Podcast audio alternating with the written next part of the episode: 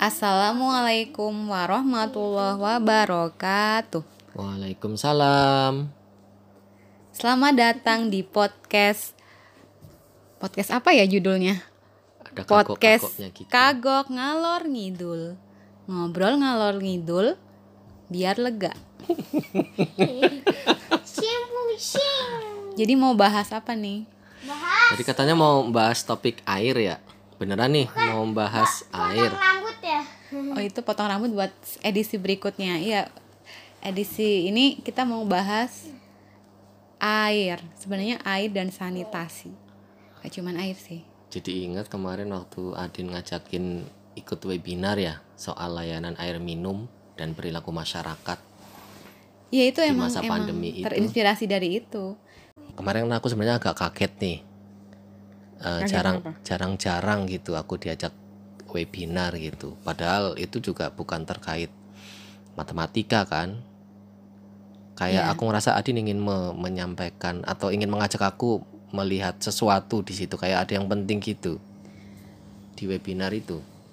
Iya. Ada beberapa hal sih. Yang pertama karena air itu adalah topik yang sangat universal yang sangat relate sama kehidupan kita. Gak cuma manusia ya, makhluk hidup kan juga sangat bergantung sama air. Itu pertama. Jadi kayaknya kita harus punya pemahaman yang bagus nih tentang air ini.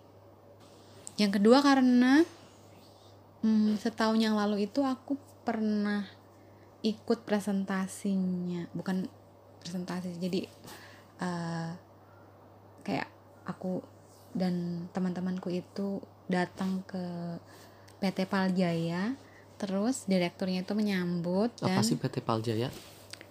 PT Paljaya itu kalau nggak salah pengol palnya itu pengolahan air limbah. Tapi kalaupun Oh. kalaupun bukan singkatan itu, yang jelas tuh perusahaan itu bergerak di pengolahan air limbah. Limbah apa? Tapi ini beda ya. PAL itu nggak ada hubungannya sama PAM atau PDAM gitu itu ya. beda-beda. Oh. Kalau yang ini peng- eh, pengolahan air limbahnya gitu. Nah, dan waktu itu direkturnya namanya Pak Subakti. Terus Tahun berapa sih? 2019 Tahun kan, lalu. kan iya setahun yang lalu 2019 tahun yang lalu Hmm, jadi ah, nih yang aku ingat ya ini dia eh, menyampaikan data eh, sumbernya juga dari ada yang dari BPS terus ada dari eh, dia punya dia kan juga eh, ketua forum komunikasi perusahaan-perusahaan pengolahan air limbah juga tuh.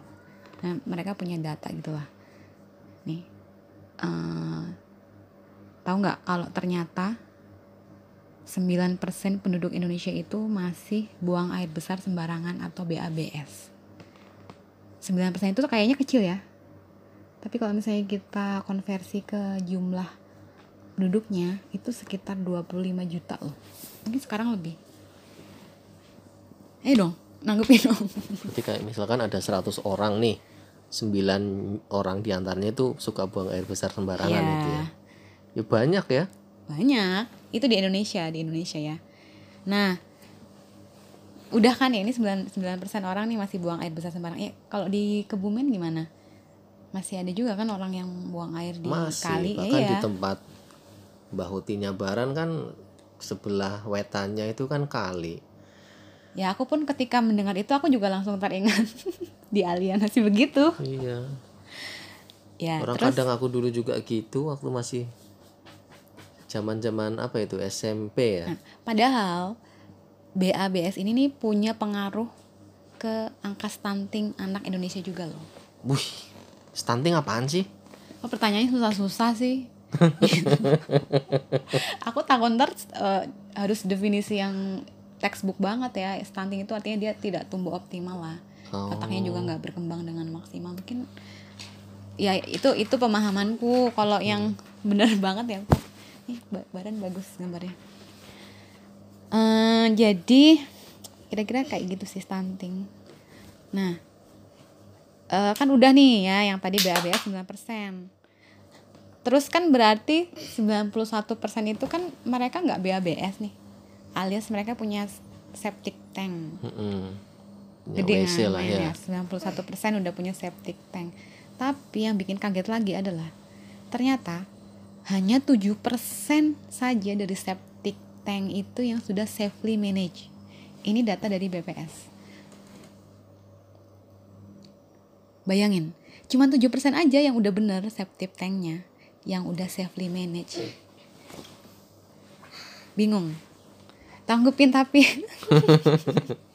Apaan sih safety manage? Maksudnya safely safely managed jadi udah WC-nya sesuai prosedur atau gimana? Iya.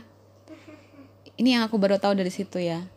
Ternyata eh, yang nanya namanya septic tank itu, septic tank ya, septic tank itu dia itu harus disedot tiga tahun sekali setidaknya. Karena Mungkin sekarang hari Minggu. sekarang hari Sabtu. Oh iya. Karena berarti setiap hari. Ya ini hari Sabtu. Karena septic tank itu harus kedap. Kalau kedap artinya nggak rembes, nggak ada air yang keluar. Jadi kotoran-kotoran itu nggak boleh keluar dari septic tank. Nah kalau dia kedap, kan lama-lama pasti akan menumpuk tuh. Oleh sebab itu dia harus disedot supaya kotorannya bisa diambil dan bisa diisi lagi sama yang baru. Jadi kalau yang disebut dengan septic tank yang bagus itu adalah yang eh, dia kedap, tidak rembes, tidak bocor sehingga harus rutin disedot.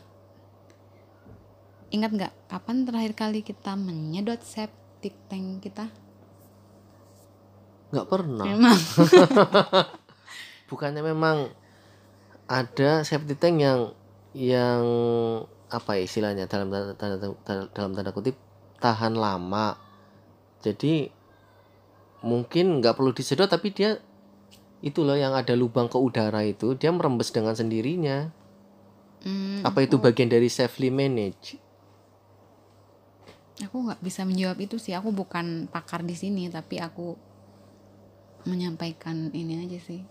Menyampaikan kembali informasi yang aku dapat bahwa eh, yang disebut dengan septic tank yang bagus, yang baik, yang safely managed adalah dia harus kedap, tidak bocor, tidak rembes, dan harus rutin disedot. Aku juga pernah baca sih. Jadi ada dokumen SD SDGs Sustainable Development Goals itu mm, eh, ada tuj- 17 poin tujuan pembangunan berkelanjutan yang kalau nggak salah ini poin-poin ini nih disusunnya sama PBB jadi dunia ini emang sedang eh, sedang berusaha untuk eh, mewujudkan bumi yang lebih baik lagi dengan eh, bumi dan manusia yang yang, yang lebih baik lagi gitu ya dengan fokus pada 17 poin itu. Salah satunya adalah air dan sanitasi.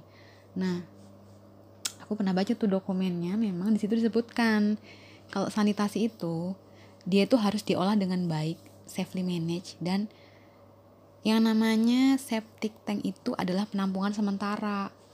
Jadi dia harus dipindah ke tempat yang lain. Isinya itu aku baca setelah aku mendengar pema- pemaparan dari direktur PT Paljaya tadi itu sih. Gimana? Bingung ya? Ya namanya juga ngobrol ngalor ngidul sih jadi memang Iya, tapi itu yang membuat Adin itu begitu bersemangat ya ikut webinar itu ya. eh, karena aku mm, sebenarnya setelah setelah itu ya aku tahu faktanya bahwa aku belum belum menyedot septic tank di rumahku gitu tapi eh, kayak kemudian lupa gitu loh. Terus pas ada webinar ini aku oh iya. Oh iya gitu. Eh, hanya 7% saja yang sudah safely manage. Itu data BPS ya. 93% tuh nggak safely manage. Tapi mungkin itu karena di desa ya, jadi masih rumah masih jarang.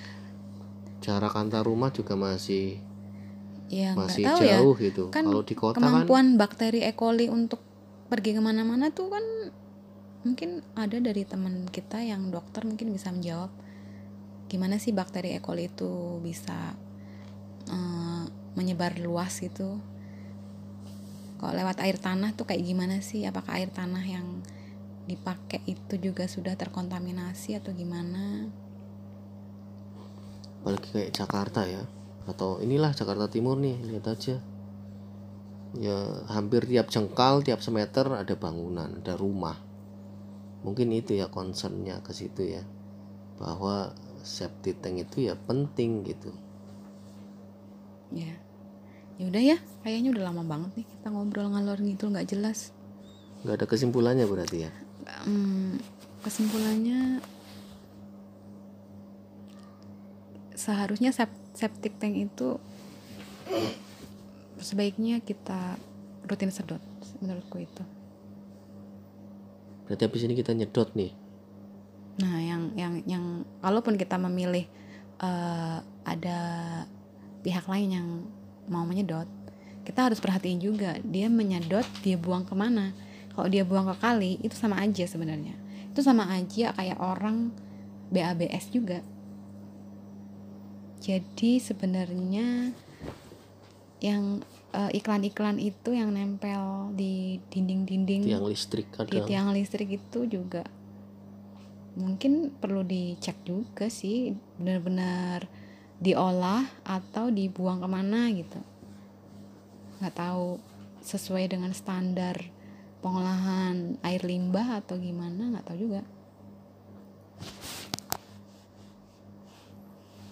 Itu ya? Dah. ya Sekian ngobrol ngobrol ngalor ngidul kita. Pusing juga ya mikirin air ya. Ya. Wassalamualaikum. Warahmatullahi wabarakatuh.